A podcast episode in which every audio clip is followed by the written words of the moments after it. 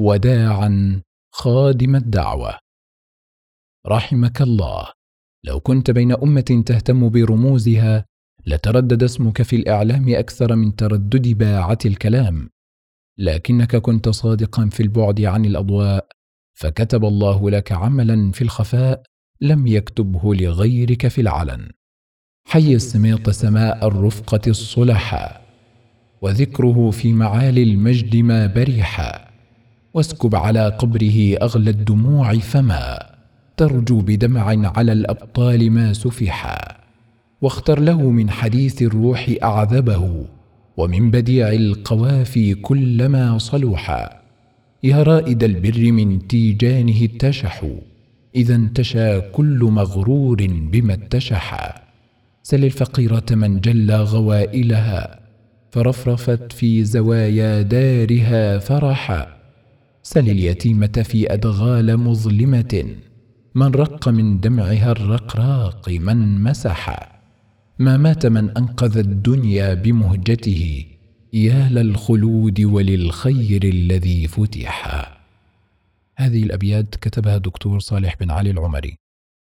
سنحتفل بك اليوم ثم ننساك لتعود كما كنت محفوظا في المنارات التي شيدتها. واضحا في المحاريب التي بنيتها مبتسما في المراكز التي أقمتها ظاهرا في الأيتام الذين رعيتهم. عمر يمتد عمرا وعمل يزداد عملا لفرد واحد. أثبت للأمة أن جهد المخلص يصنع المعجزات. ما بين سبعة إلى عشرة ملايين شخص دخلوا في الإسلام إما عن طريقه أو طريق اللجنة التي هو ثمرتها وأصلها. شيد أكثر من 1200 مسجد حفر أكثر من 2750 بئرا كفل أكثر من تسعة آلاف يتيم. اليوم أكتب شعر موتك لا أرى إلا الدموع على الخدود إلى الثرى وتفيض من شعري دماء محاجر تبكي الفضائل لوعة وتحسرا. أبكي لفضلك والكويت تقول لي لولا الحرام خمشت وجهي سافرا. شكرا لصنعك بالكويت وأهلها فلقد لمست جبينها فتنورا. يا سيد الخيرات ناثرها على أهل الحوائج بالمدائن والقرى. نثروا عليك دعاءهم بدموعهم فغدا به قبر حواك معطرا. كم قصة لك في الإغاثة ذكرها؟ نثر العطور على الحضور وعنبرا. افريقيا السوداء أشرق نورها لما حللت بها دعوك الخيرا تمشي إلى الغابات ترشد أهلها مشي النبيين الهداة إلى الورى. في كل ناحية تطبب مدنفا وتغيث ملهوفا وتطعم خائرا. لم تعط نفسك راحة ومنحتهم آثار إحسان وغرسا مثمرا متواضعا متخشعا ومثابرا حتى بلغت بها المقام الاكبرا يا من عرفنا فيه همة أمة وعزائم الآساد آساد الشرى. إن المآثر بعد عمرك خلده ولقد خلدت بها خلودا باهرا.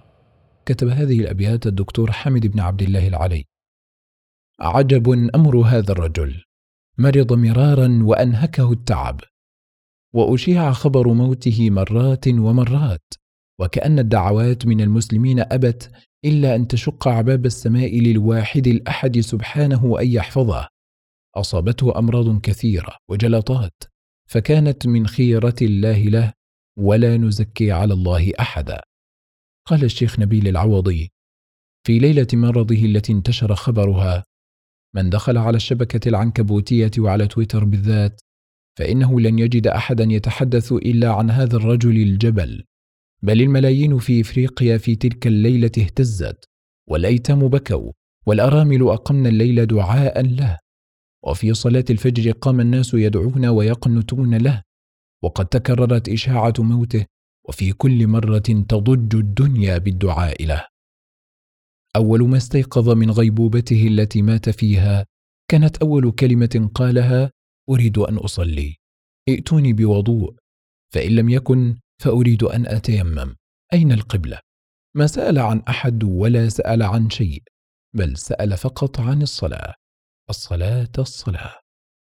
وعندما حل أمر الله ونفذت مشيئته سبحانه كان اليوم الذي ودعنا فيه خادم الدعوة ليصل اسمه إلى كل مكان ويكتب في سماء التاريخ أنه فاتح إفريقيا المعاصر باللسان لا بالسنان ودع العالم الإسلامي ودعته إفريقيا ودع الدعاة إنه خادم الدعوة وخادم الفقراء وخادم الأيتام الذي لاقى ربه يوم الخميس الثامن من شوال من عام 1434 للهجرة الخامس عشر من أغسطس عام 2013 للميلاد. فودعته الكويت بل ودعه العالم الإسلامي. صلت عليه إفريقيا صلاة الغائب. بكته مراكز الأيتام. بكته الآبار والمساجد. بكته غابات إفريقيا التي طالما نادى فيها بالإسلام. بكته الدنيا كلها. إنه عبد الرحمن السميط ويكفي عن كل لقب. قال رحمه الله في ختام البرنامج للمشاهدين يا إخواني والله الرصيد العظيم هو ما قدمته لنفسك وليس ما أبقيته في بنوك الدنيا. نحن في العالم العربي نملك مئات المليارات لو أدينا زكاتها ما بقي في الأرض فقير. دعوا أموالكم معكم في حساباتكم. لكن أنا أطلب منكم أن تتذكروا أنه سيأتي يوم من الأيام وسنموت ويوم من الأيام سندخل القبر. فماذا أعددنا لمثل هذا اليوم؟ والله إن الكفن ليس فيه جيوب ووالله إن القبر مظلم وضيق ورطب ومليء بالحشرات. يا إخوان هناك جنة أو نار. فماذا أعددنا لأجل أن ندخل الجنة؟ وماذا عملنا حتى ننجو من النار؟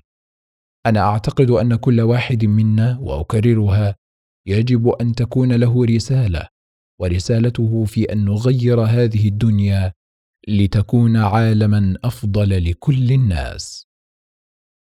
اللهم اغفر له وارحمه وارفع درجته وجازه عنا وعن أمة الإسلام خير الجزاء.